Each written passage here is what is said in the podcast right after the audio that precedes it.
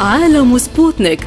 تغطية إخبارية موضوعية لأهم الأحداث حول العالم.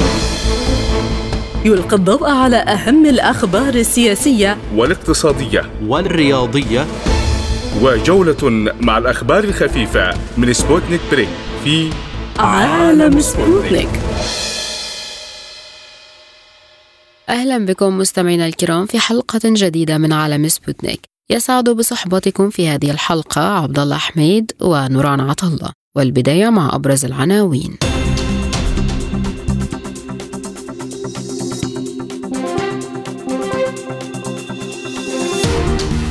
أمريكا تعارض إبرام هدنة في أوكرانيا وترحب بمحادثات بين الرئيس الصيني والرئيس الأوكراني. إثيوبيا ترفض تصريحات وزير الخارجية المصري عن سد النهضة وتعتبرها تهديد. عبد اللهيان يقول إن العلاقات بين طهران ووكالة الطاقة الذرية تسير في الطريق الصحيح. نتنياهو يلمح لأول مرة بالتوازن في قضية الإصلاح القضائي بعد تحذير الرئيس الإسرائيلي من حرب أهلية. اقتصاديا الخارجية الروسية تؤكد أن دعوات خفض سقف الأسعار على النفط الروسي ستؤدي لزعزعة استقرار أسواق الطاقة. أعلن منسق الاتصالات الاستراتيجية في البيت الأبيض جون كيربي أن أمريكا تعارض إبرام هدنة في أوكرانيا. وقال كيربي معلقا على خطة بكين المقترحة سابقا لتسوية سلمية في أوكرانيا إنه وفقا لتقييم واشنطن فإن الهدنة الآن ستمثل انتهاكا آخر من قبل روسيا لميثاق الأمم المتحدة. وفي الواقع سيسمح لروسيا باستخدام الهدنة لتعزيز مواقعها في أوكرانيا وإعادة تجميع صفوفها وتقوية قواتها لاستئناف الهجمات. وأضاف أن وقف إطلاق النار يعني الاعتراف بالاستيلاء على الأراضي الأوكرانية الذي تقوم به روسيا. وكان وزير الخارجية الروسي سيرجي لافروف قد أعلن أن بلاده لم ترفض مقترحات الهدنة التي جاءت من منطلق الرغبة الصادقة في إيجاد حل سياسي. في السياق نفسه عرض مستشار مكتب رئيس أوكرانيا ميخائيل بودولاك أي خيار للتهدئة مع روسيا حتى ولو كانت مؤقتة. ورغم الرفض الأمريكي للخطة الصينية إلا أن البيت الأبيض أعلن الترحيب بالمحادثات التي سوف تعقد بين الرئيس الصيني جين بينغ والرئيس الأوكراني زيلينسكي. لمزيد من التفاصيل معنا من نيودلهي دكتور وائل عواد الخبير والمتخصص في الشؤون الآسيوية. بعد تحية يعني كيف ترفض واشنطن مقترح الهدنة الذي تقترحه الصين وترحب بلقاء الرئيس الصيني بالرئيس الأوكراني؟ أسعد الله أوقاتكم بألف خير، لا شك بأن الولايات المتحدة لا تريد حلا سلميا للحرب الروسية الأوكرانية ولذلك هي تحاول أن تراوغ في عمليات طرحها لمثل هذه الحلول خاصة وأن الصين نجحت مؤخرا في الآونة في في حل خلافات بين السعودية وإيران وهذا أعطى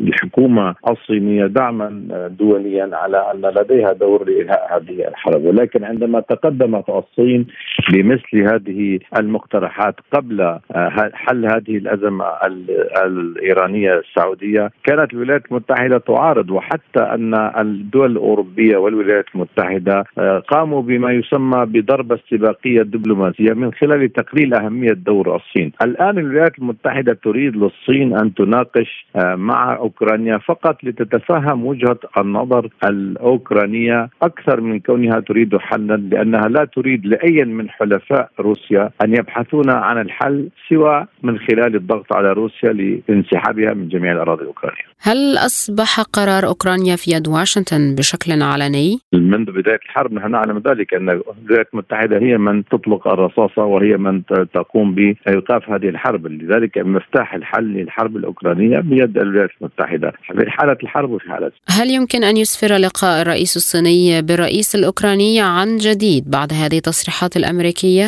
طبعا هناك محاولة من قبل الغرب والولايات المتحدة للضغط على الصين بشكل مباشر لأنها ما زالت في الموقف الحيادي على الأقل في الحرب الروسية الأوكرانية. ولذلك هم يريدون فقط أن يكون هناك نوع من الضغوط من قبل الصين على روسيا من ناحية وكذلك الأمر المباحثات بين أوكرانيا والصين هي مباحثات فقط لرش الرمادي على العين لأن الولايات المتحدة في نهاية المطاف تسعى إلى أن تطبق عقوبات على الصين باعتبار أنها اعتبرت أن من أولوياتها هو تطويق دور الصين وتحجيمها اقليميا وعالميا. وبالتالي بعد الحرب الروسية الأوكرانية هم يسعون مع حلف الناتو إلى أيضا التضييق الخناق على الصين خاصة فيما يتعلق بالبحر الجنوبي الصيني من ناحية وكذلك عملية ضم آه، جزيرة تايوان إلى الوطن الصيني. ما الذي تتوقعه اذا في الفترة المقبلة بين أمريكا والصين وكيف سيكون رد فعل الصين في هذه الحال؟ طبعا الصين تحاول بشتى الوسائل أن تكون آه، على موقف حيادي كما قلت. اولا لأنها تدرك بأن العقوبات تتربص لها من قبل الاتحاد الأوروبي ومن قبل الولايات المتحدة. لكنها بذات الآن أيضا هي حليف استراتيجي وحليف تجاري كبير بالنسبة للاتحاد الأوروبي الذي يشكل الحليف الرئيسي بالإضافة إلى العلاقات التجارية بين الصين والولايات المتحدة. وبالتالي آه، كل ذلك يعقد من مسألة أن تكون تكون الصين طرفا في أي من هذا النزاع. ولكن حتى الآن للأسف لم يناقش أحد البنود الاثنى عشر التي تقدمت بها الاثنى عشر التي تقدمت بها الحكومة الصينية لحل الأزمات الأوكرانية. وهذا ليس يعني حلا فقط للحرب الروسية الأوكرانية بل على العكس. هو هو مفتاح وهو هيكل عام لمنع وقوع حروب في المستقبل. لذلك أنا أعتقد أن العلاقات الأمريكية الصينية هي علاقات متأزمة وصلت إلى حافة الهاوية ليس بسبب الصين ولكن بسبب السياسات الخاطئة للرؤساء الأمريكيين خاصة ترامب وبايدن الذي ركب موجة العداء ضد الصين، لذلك الولايات المتحدة تجر المنطقة إلى إلى حرب جديدة وبالتالي هي على حافة الهاوية، إذا لم تتوقف الولايات المتحدة والمسؤولين الأمريكيين من عمليات الاستفزاز ضد الصين والتوجه إلى طاولة المفاوضات لحل النزاعات بالطرق السلمية، أعتقد أننا نحن في مرحلة خطيرة في المحيطين الهندي والهادئ وهذا يهدد الأمن والاستقرار العالميين ويشكل خطر خطرا رئيسيا على مستقبل الاستقرار خاصة إذا استمرت الخلافات الأمريكية الصينية.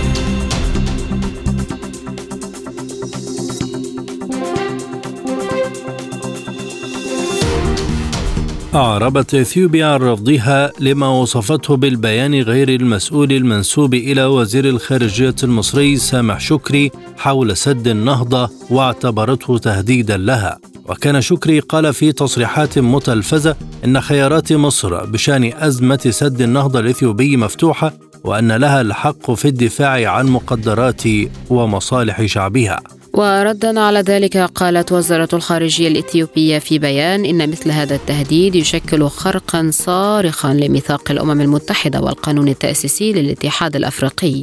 كما أكدت الوزارة أن تصريحات وزير الخارجية المصري تمثل انتهاكا واضحا لاتفاقية إعلان المبادئ بشأن سد النهضة الإثيوبي الموقع في الثالث والعشرين من مارس آذار 2015 بين إثيوبيا ومصر والسودان. من القاهرة تنضم إلينا المختصة في الشأن الإفريقي الأستاذة صباح موسى. أهلا بك سيدتي. لماذا صعدت إذا إثيوبيا من رد فعلها على تصريحات الوزير سامح شكري؟ دائما إثيوبيا قبيل أي ملء من سد النهضة الأول والثاني والثالث. نحن آه، على قرابة شهرين أو على الأكثر للملء الرابع غالبا ستملأ آه، من المتوقع إثيوبيا ملئها الرابع في شهر يوليو القادم. آه، موسم الأمطار بيبدأ من شهر مايو لكن أكثر أشهر السنة غزارة هو شهر يوليو ومن المتوقع أن تبدأ الملء. وبالتالي قضية سد النهضة تتحرك دائما قبيل أي ملء. فكانت هناك تصريحات كثيرة آه، بدأها رئيس الاتحاد الإفريقي موسى فكي بأنه القضية من لابد أن تتحرك في الأشهر القادمة والاتحاد الإفريقي سيقوم بمفاوضات. ثم تلاها يعني تصريح للرئيس السيسي على ثبات مصر على موقفها بضرورة الاتفاق على يعني التوقيع على اتفاق قانوني ملزم. أيضا جاء تصريح الوزير سامح شكري من الطبيعي بعد ملء إثيوبيا لثلاث لأول وثاني وثالث أن يكون هناك تصريح على الأقل شديد اللهجة. هناك عملية جمود وركون وتجميد وتعليق للمفاوضات لأكثر من عام وبالتالي إثيوبيا تأتي الآن وإلى الآن لم تكن هناك أي مفاوضات وهي يعني مستمرة في عملية آه، الملء بقرار منفرد. فبالتالي كان لابد حتى تصريح من الخارجية المصرية يقول فيها أن كل الخيارات مفتوحة حتى هو ربط الخيارات المفتوحة بعلاقات مصر الخارجية ربطها بإمكانات مصر بقدراتها وبالتالي لابد أن يكون في تصريح لهذا التعنت الإثيوبي يعني كل ملء تمضي فيه دون الرجوع، إثيوبيا الآن ترفع راية أن مصر تخرق اتفاق إعلان المبادئ في الذي وقع في الخرطوم 2015 بين الدول الثلاث وتتناسى أنها خرقت هذا الاتفاق ثلاث مرات لأنها مضت ويعني على الملء ثلاث مرات وهذا هو الملء الرابع دون الاتفاق مع مصر والسودان وهذا نص طيب. واضح وصريح في اتفاق إعلان المبادئ. كيف قرأت إثيوبيا تصريحات وزير الخارجية المصري بأنها ترتقي لمستوى التهديد لإثيوبيا. إثيوبيا دائما لا تريد أن يكون هناك تصريحات من أي نوع حتى لو كانت لو كان التصريح أقل لهجة من من تصريح الوزير سامح شكري كانت أيضا ستبدي عدم رضاها لأنها دائما لا تريد تصريحات من مصر تحديدا من الخرطوم. قد تهاد من القاهرة. قد تهادن الخرطوم لكن القاهرة لا تقبل منها أي تصريح. حتى لو كان التصريح أهدى من ذلك كانت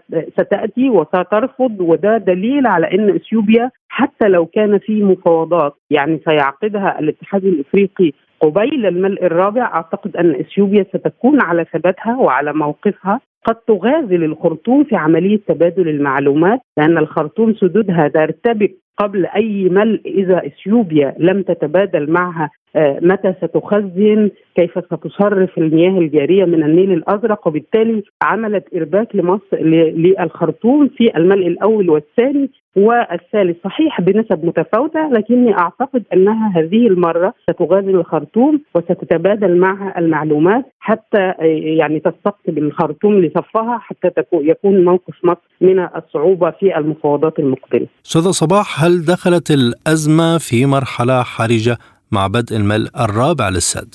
هذا يعتمد على نسبة هطول الأمطار في هذا العام من المتوقع آه، الخبراء الفنيين يقولون أن العام سيكون هناك هطول أمطار آه، متوسط ليس كالعامين السابقين كان هناك فيضان كبير في النيل الأزرق وأمطار غزيرة عوضت كثيرا ملأت إثيوبيا ولم تشعر مصر بعملية المياه لأنه جريان المياه كان كثيرا في العام الماضي والذي قبله. هذا العام الخبراء يقولون أنه سيكون هناك هطول أمطار متوسط أو أقل من المتوسط، يعتمد ذلك على كمية الملء التي ستملأ أثيوبيا في آه، السد.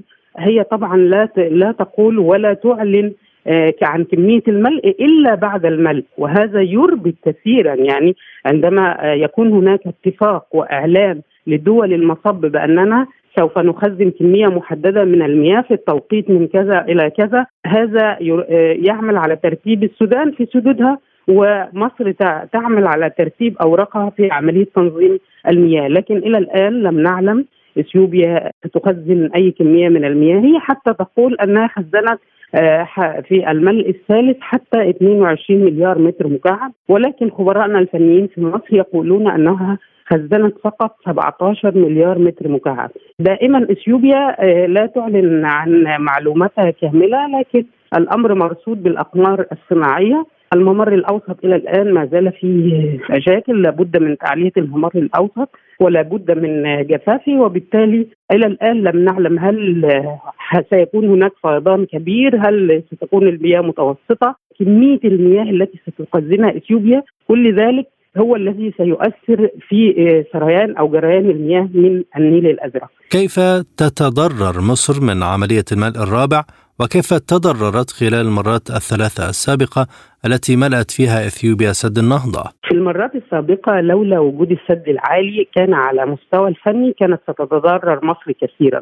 مصر لديها طاقة تخزينية عندما تخزن إثيوبيا كميات من المياه مصر ترى لكن مصر تعوضها بمليارات من الدولارات للتعويض. مثلا اثيوبيا سوف تخزن هذا العام 7 مليار. على سبيل المثال مصر تعمل حسابها على انه هذا هذه الكمية من المياه التي كانت ستأتي إلى مصر تحاول أن تحدد مساحات كبيرة من زراعات الأرز المعروف أنها تستخدم مياه كثيرة. تقول للفلاحين لا تزرعوا هذا العام وهكذا. وبالتالي هناك خسارات لمصر مادية كبيرة تعوضها عن كمية المياه التي تحتجزها إثيوبيا، لكن حتى الملء الثالث صراحة كان هناك فيضان كبير، مصر لم تتأثر بصورة مباشرة، ولذلك كانت اللهجة المصرية في اعتقادي كانت يعني لهجة منخفضة لم تكن لهجة قوية لأنه الكلام على إنه نهر النيل خط أحمر تصريحات الرئيس السيسي مرتبطة بعملية الضرر التام لمصر. إلى الآن نحن نتحدث عن عمليات التخزين الكبيرة في فترات الجفاف والجفاف الممتد. حتى الآن إثيوبيا من المفترض أن تخزن 74 مليار في سد النهضة. لو أتى عام به جفاف أو جفاف ممتد هنا سيكون ضرر كبير على مصر. وأعتقد أن اللهجة حتى هذا العام إذا كان الفيضان قليل أو إذا كان سريان أو جريان النيل الأزرق قليل أعتقد أن مصر ستصاعد من لهجتها. لكن اللهجة هي مرتبطة بالكثير من الترتيبات والعلاقات الدولية للضغط على إثيوبيا. لا أعتقد أن مصر في نيتها في هذا التوقيت أن يكون هناك سيناريوهات مفتوحة آه، الرسالة التي تصل إلى إثيوبيا هي تريد أن تصدرها بما فهمتها بمعنى أنها تقول للعالم أن مصر تهددنا عسكريا وأن لكن التهديد أو السيناريوهات المفتوحة مربوطة بمزيد من الضغط الدولي على أديس أبابا للجلوس للمفاوضات والتوقيع على اتفاق قانوني ملزم. آه، مصر لا تريد آه، يعني تسعى لتنمية إثيوبيا لكن بشرط عدم الضرر بمصر والسودان. وبالتالي آه السيناريوهات المفتوحة التي صرح بها وزير الخارجية هي في إطار آه مزيد من الضغط الدولي على إثيوبيا. وأنت تعلم أن العالم به تغيرات كبيرة دوليا واقليميا الآن. وفي هناك صراع بين الكتلة الشرقية والغربية من الممكن أن تستفيد مصر من هذا الاستقطاب في عملية سد النهضة.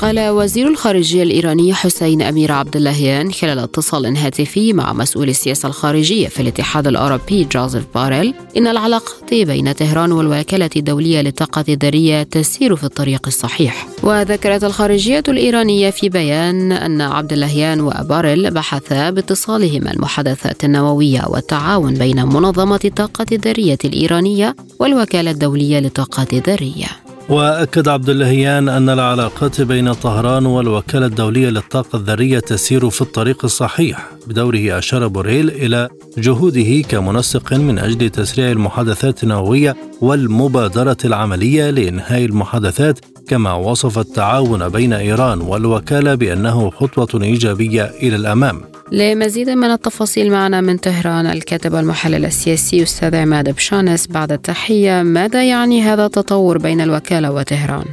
خلال السنوات الماضية اتخذت آه، الوكالة الدولية للطاقة الذرية آه، عمليا سياسات آه، عدائية ومسيسه تجاه إيران وكانت هذه السياسات آه، محرضة من قبل آه، الولايات المتحدة والكيان الصهيوني. آه، حاليا يبدو أن هذه الوكاله قررت تغيير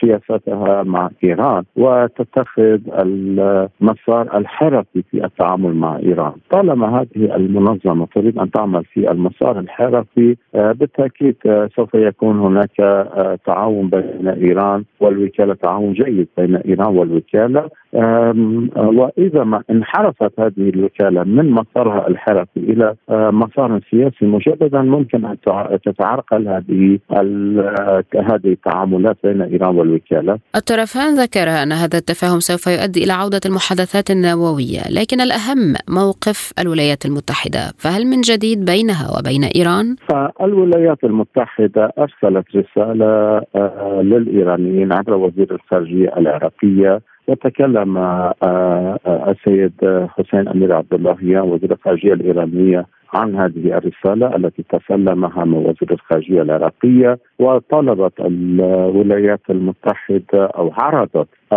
العودة إلى الاتفاق النووي آه، وطبعا أحد شروط إيران للعودة إلى الاتفاق النووي آه، هو إقفال الملف أو العقده التي تسببت بها الوكالة الدولية للطاقة الذريه وأتصور أنه إذا ما قامت الوكالة بحل آه هذه الملفات العالقة بين إيران والوكالة سوف يكون كل شيء جاهزا لعوده الجميع إلى الاتفاق النووي. توجد خلافات بين إيران والولايات المتحدة كثيرة على عدة اصعده، فهل يمكن تنحيتها جانبا لكي لا تؤثر على هذا الملف بين الطرفين؟ عمليا بالنسبة آه، لموضوع الاتفاق النووي، عندما نتكلم عن الاتفاق النووي آه، يعني آه، تقريبا كل المواضيع الخلافية تم طرحها وتم الوصول إلى صيغة تفاهم في شأنها ومسودة اتفاق بشأنها في شهر مارس من العام الماضي. الولايات المتحدة في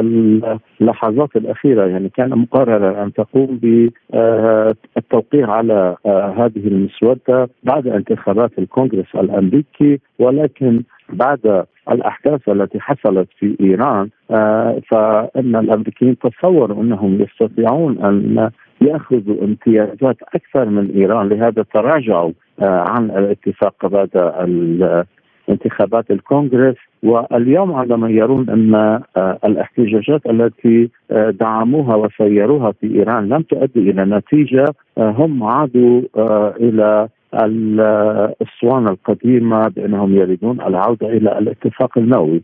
عمليا يعني هذا الاتفاق هو جاهز مسودة الاتفاق جاهزة. و ليس أكثر من الاتفاق النووي، يعني لا يجب أن نتصور أن باقي الخلافات بين إيران والولايات المتحدة سوف تحل.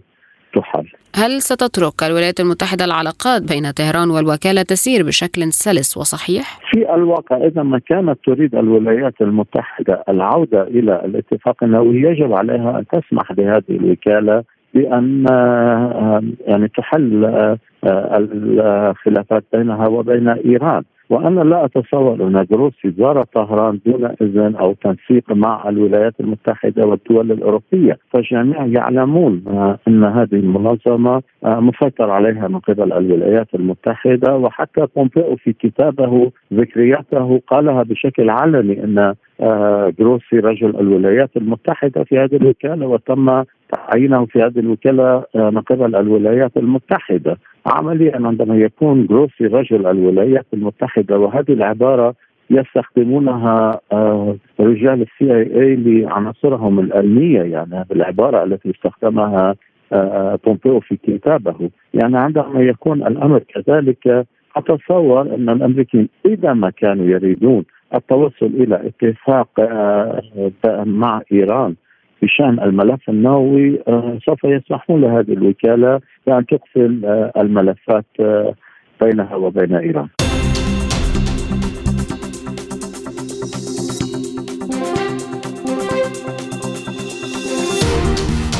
قال رئيس الوزراء الإسرائيلي بنيامين نتنياهو إنه سيسعى لإحداث توازن بين أفرع الحكومة الإسرائيلية بخطته للإصلاح القضائي مشيرا إلى أن هذا عمل مستمر حتى في عدم وجود اتفاق مع المعارضة السياسية. وقال نتنياهو للصحفيين خلال زيارة لبرلين إذا لم يكن لدى الحكومة شريك في هذه الخطة فهناك محاولة للتوصل إلى أفضل حل. مشيرا إلى أنه سوف يدعم التوازن من وجهة نظره. وفي مقر المستشارية الألمانية أعرب المستشار الألماني أوليف تشولز عن قلقه البالغ إزاء خطة الإصلاح القضائي في إسرائيل. من جانبه حذر الرئيس الإسرائيلي إسحاق هيرتزوغ من الوضع الحالي في إسرائيل قائلا إنه استمع لخطاباته كراهية حقيقية وإن الذين يستبعدون الوصول إلى حرب أهلية لا يفهمون شيئا. من غزة ينضم إلينا المختص في الشأن الإسرائيلي الدكتور محمد مصلح. دكتور محمد أهلا بك. هل يمكن أن يحدث أي تنازل من نتنياهو لحل الأزمة؟ في تحليلي نعم. شوف الذهاب إلى نقطة العودة يعني لا يمتلكها نتنياهو أو حتى حزب الليكود ولا ائتلاف لأن القضية إسرائيل قضية يعني شوف مشروع مشروع مشروع وظيفي استعماري. الدولة يعني بتكلم عن دولة عميقة يعني يعني النوب الصهيوني في النوب اليهودي له كلمة في النهاية على دولة إسرائيل. لذلك لا يتحمل نتنياهو آه، انفجار الشارع الإسرائيلي والاصطدام. يعني هناك أصبحت لغة السياسيين لغة لغة بالذات في المعارضه يعني قوية جدا وذهبت باتجاه تصعيد مسمى الحرب الأهلية. لذلك نتنياهو لا يمكن أن يتحدى هذا الشارع ويتحدى الراي العام الدولي وخاصة الموقف الأمريكي ولا اللوبي اليهودي ولا التحذيرات التي يعني يعني تتوقع اسوء السيناريوهات لدولة الاحتلال. لذلك سوف يصل إلى إلى يعني حل وسط. نتنياهو عقدت مع ليفين يعني واصراره على على الاستمرار في هذا المشروع لأبعد حدود.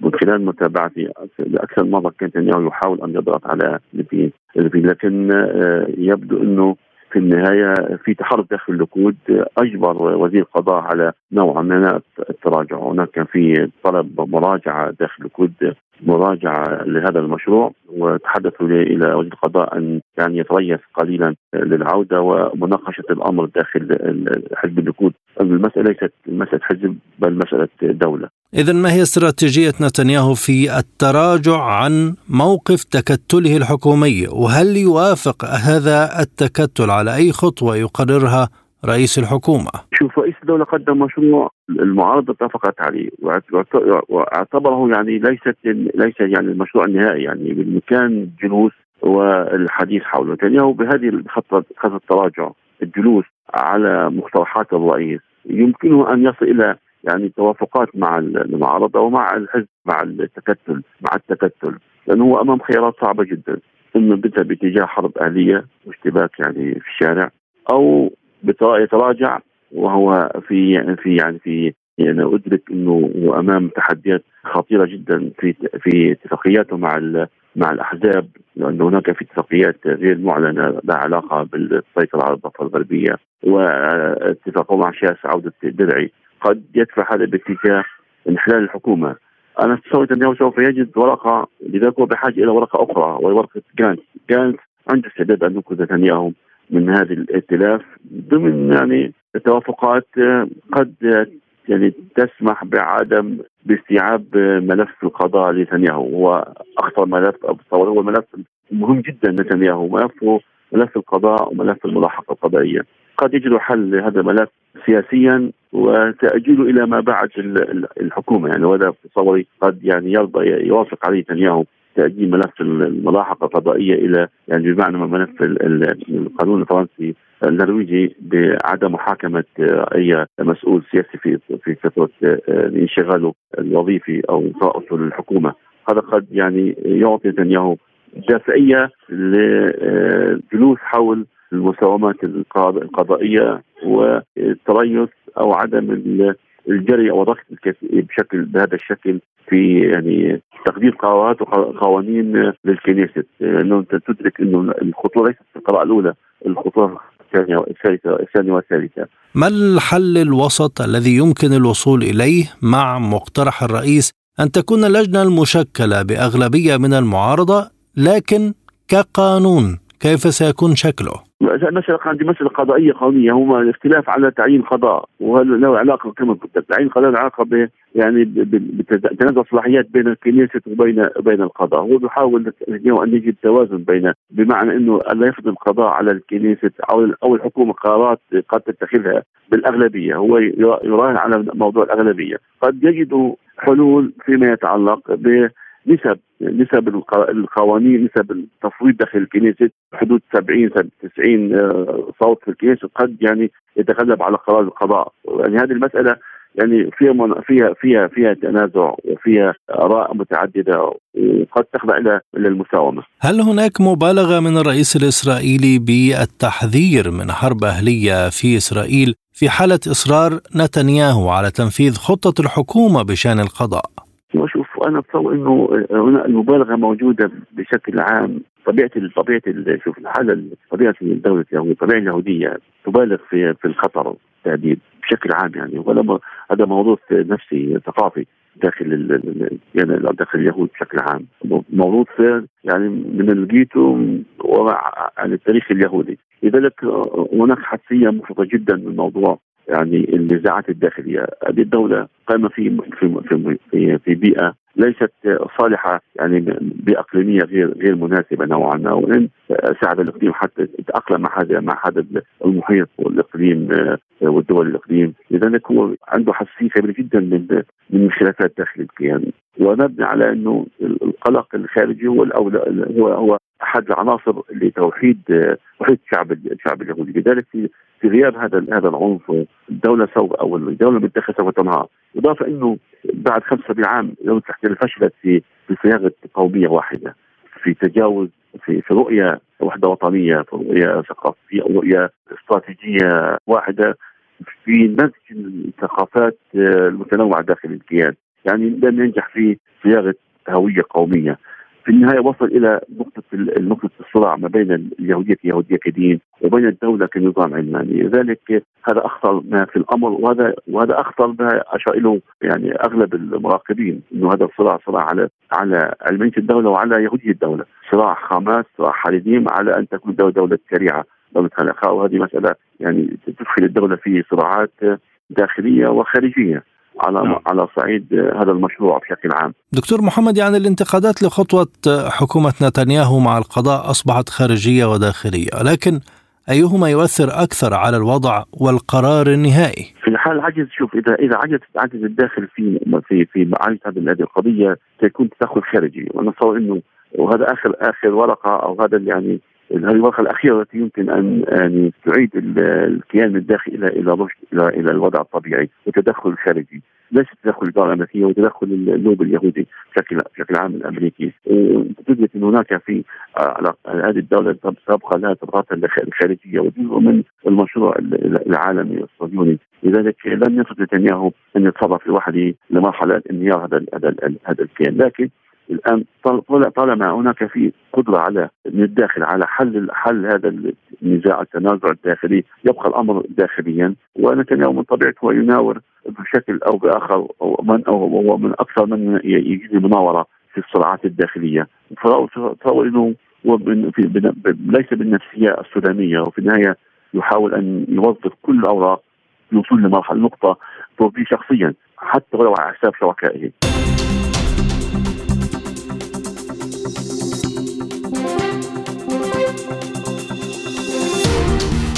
صرحت المتحدثة رسمية باسم وزارة الخارجية الروسية ماريا زخروفا بأن دعوات بولندا ولاتفيا وليتوانيا لخفض سقف الأسعار على النفط الروسي لن تؤدي إلا لزعزعة استقرار أسواق الطاقة. وقالت زخروفا إنه من الواضح أن الدعوات من لاعبين صغار في سوق الطاقة مثل بولندا ولاتفيا وليتوانيا يتم تنفيذها فقط من منطلق الرغبة في إرضاء أسيادهم من جميع أنحاء المحيط الذين يسعون جاهدين لمعاقبة روسيا بكل قوتهم. بالواقع هذه مبادرة منفصلة تماما عن الحقائق الاقتصادية وهي مجرد تجسيد للمشاعر المعادية للروس.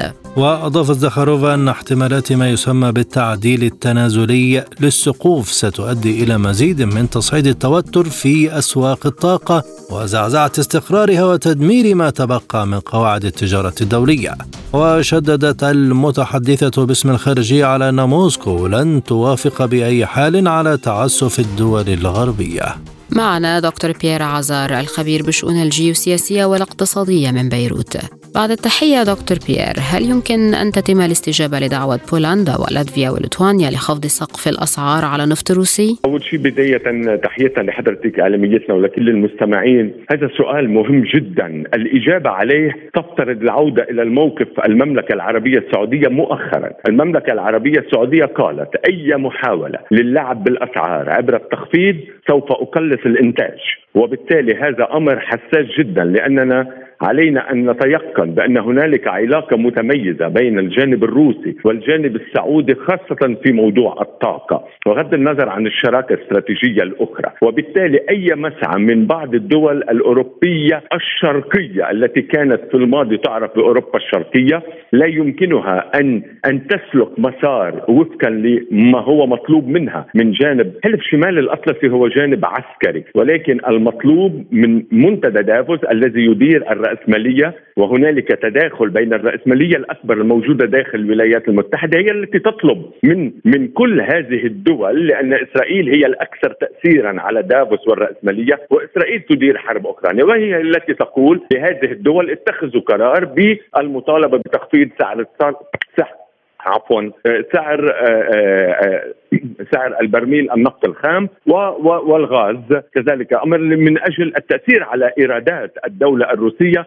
اعتقادا منهم بأن هذا الأمر سوف يبطئ عملية تطوير الآلة العسكرية الروسية. وعبر طبعا عبر تخفيف الإيرادات وبالتالي الاقتصاد يتعرض إلى حالة من الانكماش وعدم النمو عندما يأخذ الإيرادات بالعملات الصعبة كيف يمكن أن يؤثر ذلك على أسواق الطاقة ولماذا يمكن أن تؤدي للتوتر؟ هو بطبيعة الحال آلميتنا إذا تم تخفيض الأسعار مما لا شك فيه سوف يؤثر على موضوع الإمدادات الطاقة لأن روسيا سوف تتخذ قرار إلى جانب حتى أوبك plus والمملكة العربية السعودية هي المؤثر الأساس إلى تقليص الإنتاج وحتى إلى إيقاف الإمدادات. وما هو تفجير النورد ستريم سواء بخطيه هو ليس بعيد عن هذا الأمر لأنهم يقولون بأنهم يقولون لروسيا أيضا عليك أن هنالك آه، آه، صعوبات كبيرة لديك من أجل آه، استنباط خطوط أخرى. ولكن ولكن هون استطرادا حول النورد ستريم إعلاميتنا لقد قرأت مؤخرا وثيقة سرية عندما تم القضاء على بن لادن في العام 2011 كان هنالك وثيقة سرية القضاء يعلمون بها كان مذكور في هذه الوثيقة كيفية تفجير أنابيب الغاز لأن داعش تمتلك غواصات يعني داعش هي مرتبطة أو تنظيم القاعدة أكثر من داعش مرتبطة بالمجمعات الصناعية العسكرية وأعطيت تعليمات بأن هذه الأنابيب أنابيب الغاز كل ستة أميال هنالك صمام أمان بمعنى عليهم أن يضعوا العبوة بشكل أن يتم التفجير قبل الستة أميال. هذه نقطة حساسة جدا يعني منذ العام 2011 هنالك تخطيط على تفجير أنابيب الإمدادات الغاز من أجل ضرب روسيا تحديدا لأن روسيا ما يميزها بأنها تمتلك أنابيب الغاز. هذا أمر يخفض الكلفة التصدير بعكس قطر التي تعتبر دولة مهمة جدا في إنتاج الغاز ولكن قطر يتم إرسالها بالمجمل عبر الناقلات العملاقة الغاز وهذا روسيا لا تحتاج إليه لأنها لديها الأنابيب حتى بالأنابيب تستطيع أن تصدر الغاز الطبيعي. الطبيعي والغاز المسال لأن هنالك اختلاف بين الغاز الطبيعي والغاز الطبيعي المسال ماذا تفعل روسيا حيال هذه الخطوة إذا؟ بطب أصلا روسيا أسئلة مهمة جدا، روسيا عالميتنا اولا اتخذت قرار بعدم التبادل إلا بالروبل، ولكن هي تعلم بأن هذا الأمر صعب جدا. يعني على المدى البعيد صعب جدا. ما يزال الدولار هو العملة التبادل على المستوى العالمي وهي التي تؤثر في البعد ال geo-economic وهذه هي قوة geo-economic وهي قوة إسرائيل، إسرائيل هي من تطبع الدولار وليس الولايات المتحدة، إنه منسوب بالهوية إلى الولايات المتحدة، من يطبع الدولار هي الرأسمالية الول ستريت هي من أدت بالأمس إلى انهيار بنك سيليكون فالي وبالتالي وغيرها من المصارف. هي إسرائيل التي لأن هنالك صراع إعلاميتنا وهذا الكل عليه أن يفهمه. إسرائيل لا تعني الولايات المتحدة. هنالك صراع كبير ما بين النفوذ الأمريكي والإسرائيلي في كل المنطقة في الشرق الأوسط وبأوروبا وتحديدا في منطقة أوراسيا لأن روسيا لديها امتداد إسرائيل في هذه المنطقة. وبالتالي روسيا الإجراءات روسيا أولا الروبل ثانيا إنها تهدد بعدم مد أسواق الطاقة لأن روسيا تستفيد إذا لم تستخرج الغاز أصلا من باطن الأرض أو من البحار والنفط لأن هذا الأمر يمكن أن تستثمره في المدى الأبعد. بعكس ما الكل يعتقد بغض النظر أن الدولة الروسية تحتاج إلى إيرادات هائلة بالعملات النادرة لأن اقتصادها كبير ولديها قدرات عسكرية هائلة فتاكة تتطلب أموال فلكية ولكن روسيا لديها صندوق سيادي كبير يستطيع أن يصمد لفترة طويلة طويله واستطاع الاقتصاد أن يتحول من اقتصاد عادي إلى اقتصاد منتج مقاوم يستطيع أن يقاوم كافة العقوبات لأن العقوبات ليست بالأمر الجديد. وما هو المطالبة بتخفيض أسعار النفط هو جزء من سياسة العقوبات على الجانب الروسي ولكن أشدد على دور المملكة العربية السعودية التي تساند بشدة موضوع عدم تخفيض أسعار النفط والغاز وهذا الأمر يساعد جدا الواقع الروسي في حركيته لمقاومة هذه العقوبات الشديدة التعقيد. الآن إلى جولة من الأخبار حول العالم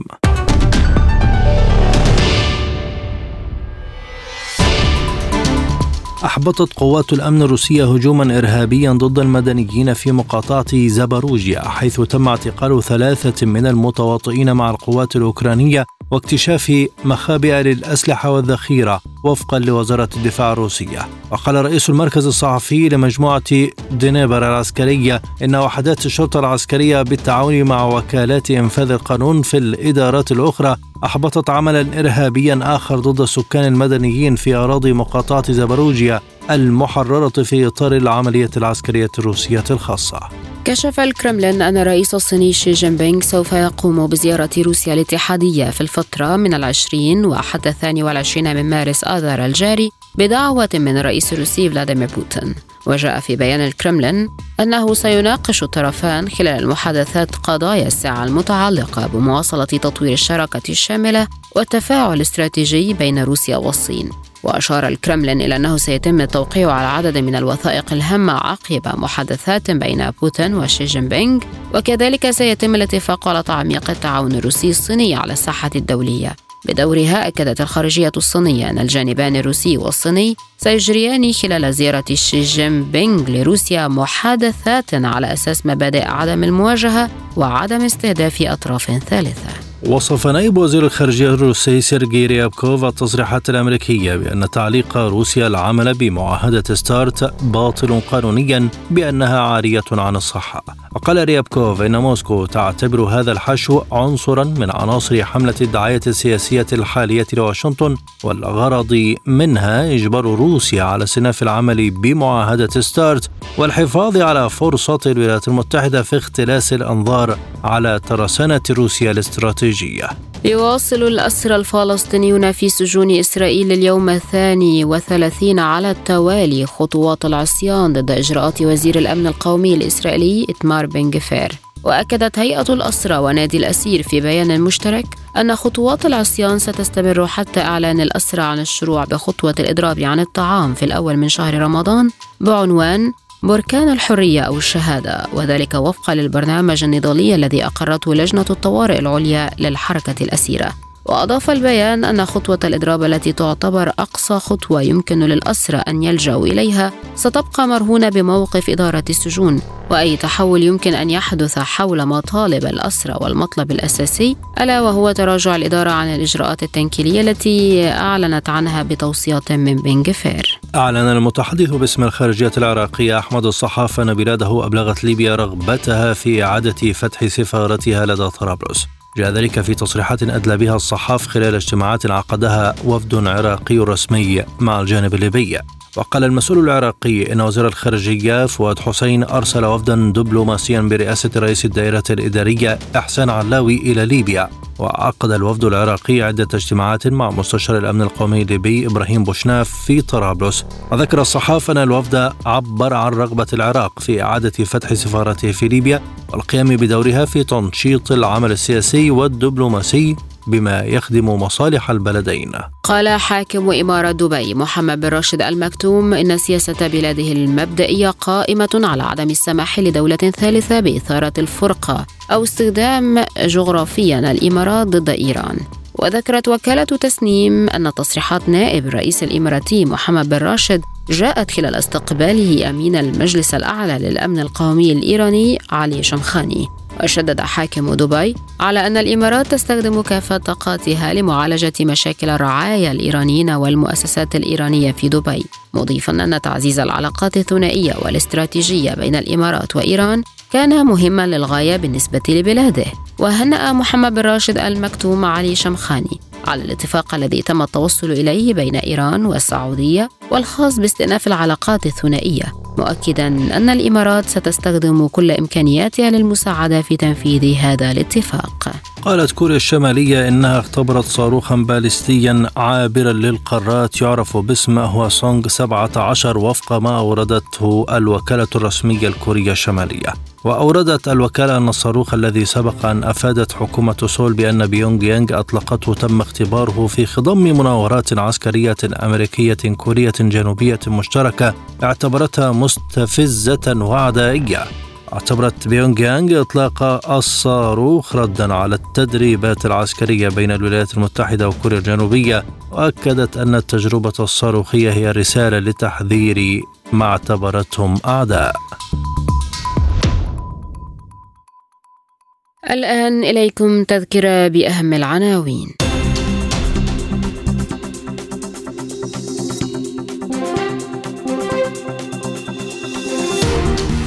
أمريكا تعارض إبرام هدنة في أوكرانيا وترحب بمحادثات بين الرئيس الصيني والرئيس الأوكراني. إثيوبيا ترفض تصريحات وزير الخارجية المصري عن سد النهضة وتعتبرها تهديد. عبد اللهيان يقول إن العلاقات بين طهران ووكالة الطاقة الذرية تسير في الطريق الصحيح نتنياهو يلمح لأول مرة بالتوازن في قضية الإصلاح القضائي بعد تحذير الرئيس الإسرائيلي من حرب أهلية اقتصاديا الخارجية الروسية تؤكد أن دعوات خفض سقف الأسعار على النفط الروسي ستؤدي لزعزعة استقرار أسواق الطاقة. إلى أخبار الاقتصاد.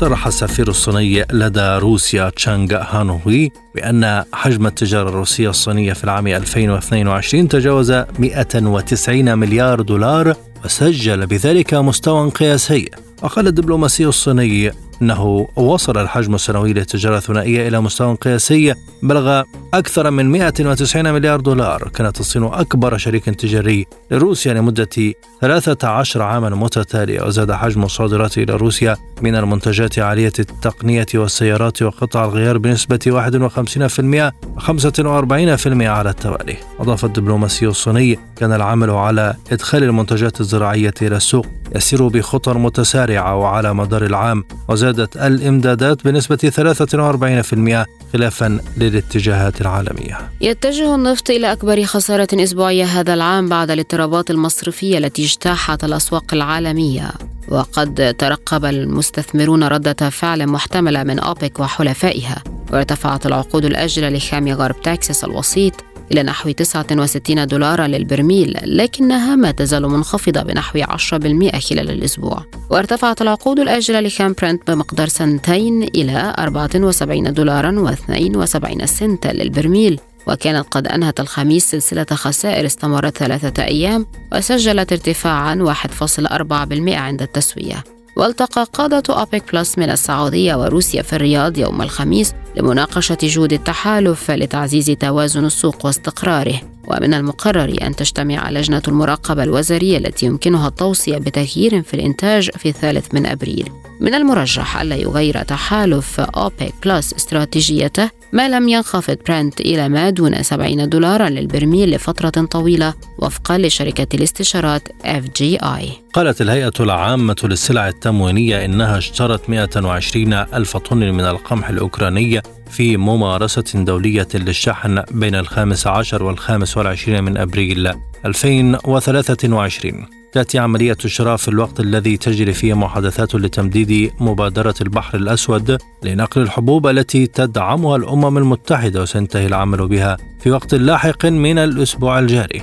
واقترحت روسيا تمديد الاتفاق الذي يسمح بتصدير الحبوب من الموانئ الأوكرانية المطلة على البحر الأسود لمدة 60 يوما فقط فيما رفضت أوكرانيا ذلك. وكان الاتفاق قد جرى تمديده من قبل لمدة 120 يوما. وهناك مخاوف من أن يؤدي التمديد لفترة أقصر إلى مشاكل لوجستية. أكدت السعودية والكويت والبحرين والأردن عدم تأثر بنوكها بانهيار بنك سيليكون فالي الأمريكي الذي أدى لموجة خسائر غير مسبوقة في القطاع المصرفي في عدد من الدول. وقال محافظ البنك المركزي السعودي أيمن السياري أنه لا توجد تعاملات للبنوك السعودية مع المصارف الأمريكية المتعثرة وأشار السياري إلى أن المركزي السعودي كان من أوائل من طبقوا إصلاحات بازل 3 بلس المتعلقة بكفاية رأس المال عالميا. في الوقت نفسه استبعد فريد بالحاج نائب رئيس البنك الدولي للشرق الأوسط وشمال إفريقيا حدوث تداعيات لانهيار البنك الأمريكي على الاقتصادات العربية. ارتفعت الأسهم الآسيوية بعد أن أدت حزمة الإنقاذ لبنك فيرست ريبابليك إلى انتعاش الأسهم الأمريكية وارتفعت عائدات السندات في المنطقة. وارتفعت الأسهم في هونغ كونغ واليابان وكوريا الجنوبية ووسعت أسهم بايدو مكاسبها إلى 10.5% في هونغ كونغ بعد أن اختبرت شركات السمسرة خدمتها الشبيهة بتطبيق شات جي بي تي عقب حصولها على موافقة مبدئية لاستخدامها. ومع ذلك فإن مؤشر الأسهم الآسيوية اتجه للخسارة الأسبوعية الثانية بعد الاضطرابات الأخيرة في القطاع المصرفي وربحت العقود الآجلة لمؤشرات الأسواق الأوروبية فيما تغيرت عقود مؤشري اس اند بي 500 وناسداك 100 قليلا وارتفع مؤشر اس اند بي 500 أمس بأكبر وتيرة في يوم واحد منذ يناير.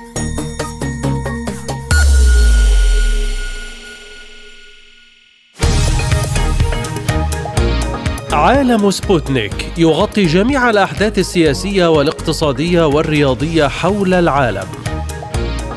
على مدار ساعة تتابعون عالم سبوتنيك مع أهم خبراء التحليل السياسي والاقتصادي. نقترب معكم في متابعة دقيقة من القضايا السياسية والاقتصادية. كما نستعرض أهم الأخبار الرياضية والفنية والبيئية.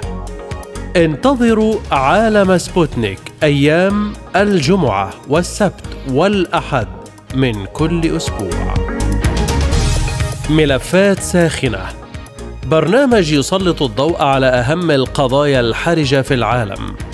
في ملفات ساخنة نستعرض القضايا مع جميع الأطراف ومن كل الزوايا لاستجلاء الحقيقة. ملفات ساخنة يستضيف أهم الخبراء وأجرأ الضيوف تابعوا ملفات ساخنة مع راديو سبوتنيك أيام السبت والثلاثاء والخميس من كل أسبوع. الآن إلى الأخبار الرياضية. رغم تصدره أقوى الدوريات الأوروبية لكرة القدم ودع فريق أرسنال الإنجليزي بطولة الدوري الأوروبي بعد خسارته أمام سبورتينغ لشبونة البرتغالي بركلات الترجيح عقب التعادل في مجموع لقاءين ثلاثة ثلاثة. لم ينجح أرسنال في الحفاظ على تقدمه بهدف وحيد سجله كابتن الفريق تشاكا في الشوط الأول حيث تعادل سبورتينغ في الشوط الثاني عن طريق بيدرو جونزاليفيز وظلت النتيجة تعادل واحد واحد حتى لجأ الفريقان إلى ركلات الترجيح التي حسمها لشبونة لصالحه. بنتيجة خمسة ثلاثة ليقصي أرسنال في مواجهة أو في مفاجأة كبيرة بالبطولة القارية. في البطولة نفسها عمق مانشستر يونايتد جراح مضيفه ريال بيتيس بهزيمته بهدف دون رد ضمن مباريات إياب ثمن نهائي الدوري الأوروبي على ملعب بينيتو في مارينا في الأندلس. سجل هدف المباراة الوحيد المهاجم الدولي الإنجليزي ماركوس راشفورد في بداية الشوط الثاني من المباراة. أكد مانشستر بهذا الفوز حقيته في العبور إلى دوري ربع النهائي من بطولة الدوري الأوروبي حيث انتهت مباراة الذهاب بفوزه بنتيجة 4-1 على ملعب أولد ترافورد يوم الخميس الماضي. تعد هذه المرة الخامسة التي يتأهل فيها مانشستر يونايتد إلى دوري ربع النهائي في البطولة. تأهل نادي روما إلى ربع نهائي مسابقة الدوري الأوروبي بعد تعادله دون أهداف مع مضيف ريال سوسيداد في إسبانيا. ولم تشهد المباراة التي جرت على ملعب أنويتا أي أهداف بالرغم من محاولات صاحب الأرض النادي الباسكي التي باءت كلها بالفشل. وانتهت المباراة بطرد لاعب سوسيداد كارلوس فرنانديز في الدقيقة الثامنة من الوقت بدل الضائع. وكان نادي العاصمة الإيطالية بقيادة المدرب المحنك جوزيه مورينيو قد فاز في مباراة الذهاب هدفين للا شيء بفضل هدفين من ستيفان الشعراوي وماراش كومبولا. انتزع فريق إشبيلية بطاقة التأهل إلى الدور ربع النهائي للدوري الأوروبي لكرة القدم من مضيفه فنربخشة التركي رغم خسارته بهدف نظيف في مباريات الإياب. سجل المهاجم الإكوادوري إنر فالنسيا هدف الفوز الوحيد للفريق التركي من ركلة جزاء في الدقيقة الحادية والأربعين من زمن الشوط الأول للقاء. الذي جرى على ملعب مدينة اسطنبول. حجز نادي إشبيلية مقعد له بين الثمانية الكبار في مسابقة الدوري الأوروبي بفضل الفوز الذي حققه على الفريق التركي في مباراة الذهاب بهدفين نظيفين التي جمعتهما على ملعب رامون سانشيز بمدينة إشبيلية. الآن إليكم مجموعة من الأخبار الخفيفة وسبوتنيك break.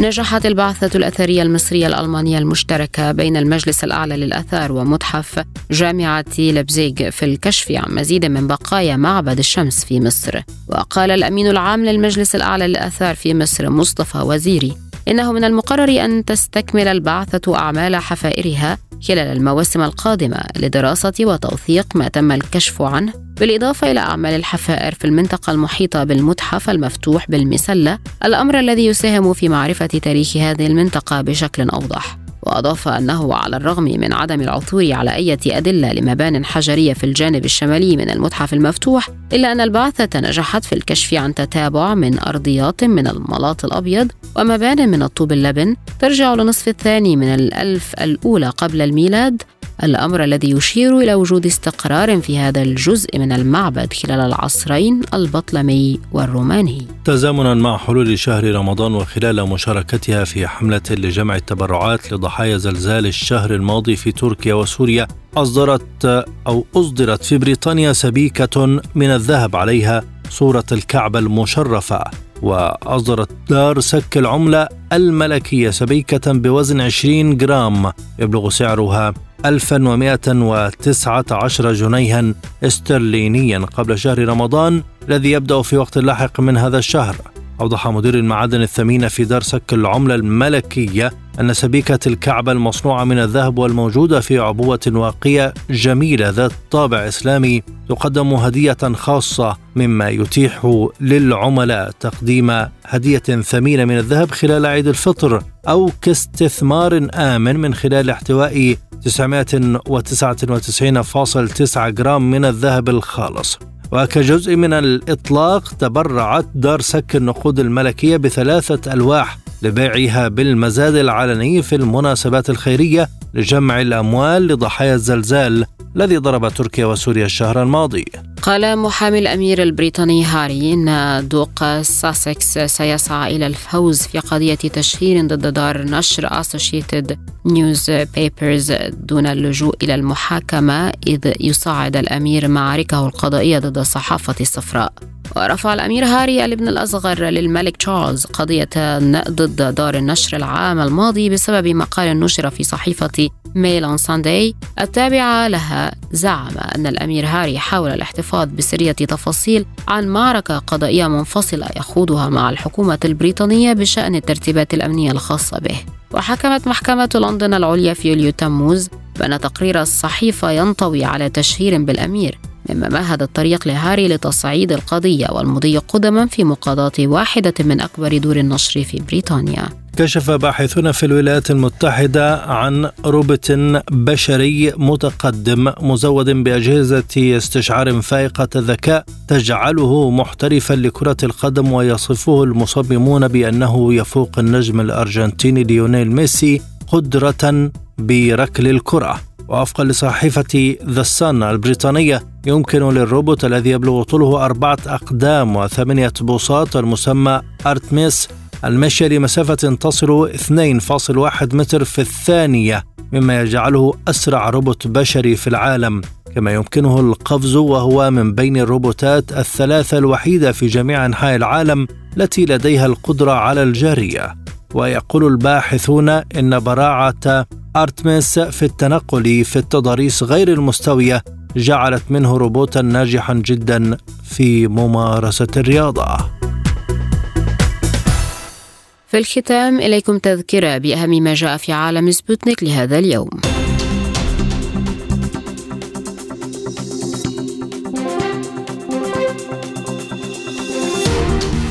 أمريكا تعارض إبرام هدنة في أوكرانيا وترحب بمحادثات بين الرئيس الصيني والرئيس الأوكراني إثيوبيا ترفض تصريحات وزير الخارجية المصري عن سد النهضة وتعتبرها تهديدا. عبد اللهيان يقول إن العلاقات بين طهران ووكالة الطاقة الذرية تسير في الطريق الصحيح. نتنياهو يلمح لأول مرة بالتوازن في قضية الإصلاح القضائي بعد تحذير الرئيس الإسرائيلي من حرب أهلية. للمزيد زوروا موقعنا سبوتنيك دوت اي إي. إلى اللقاء.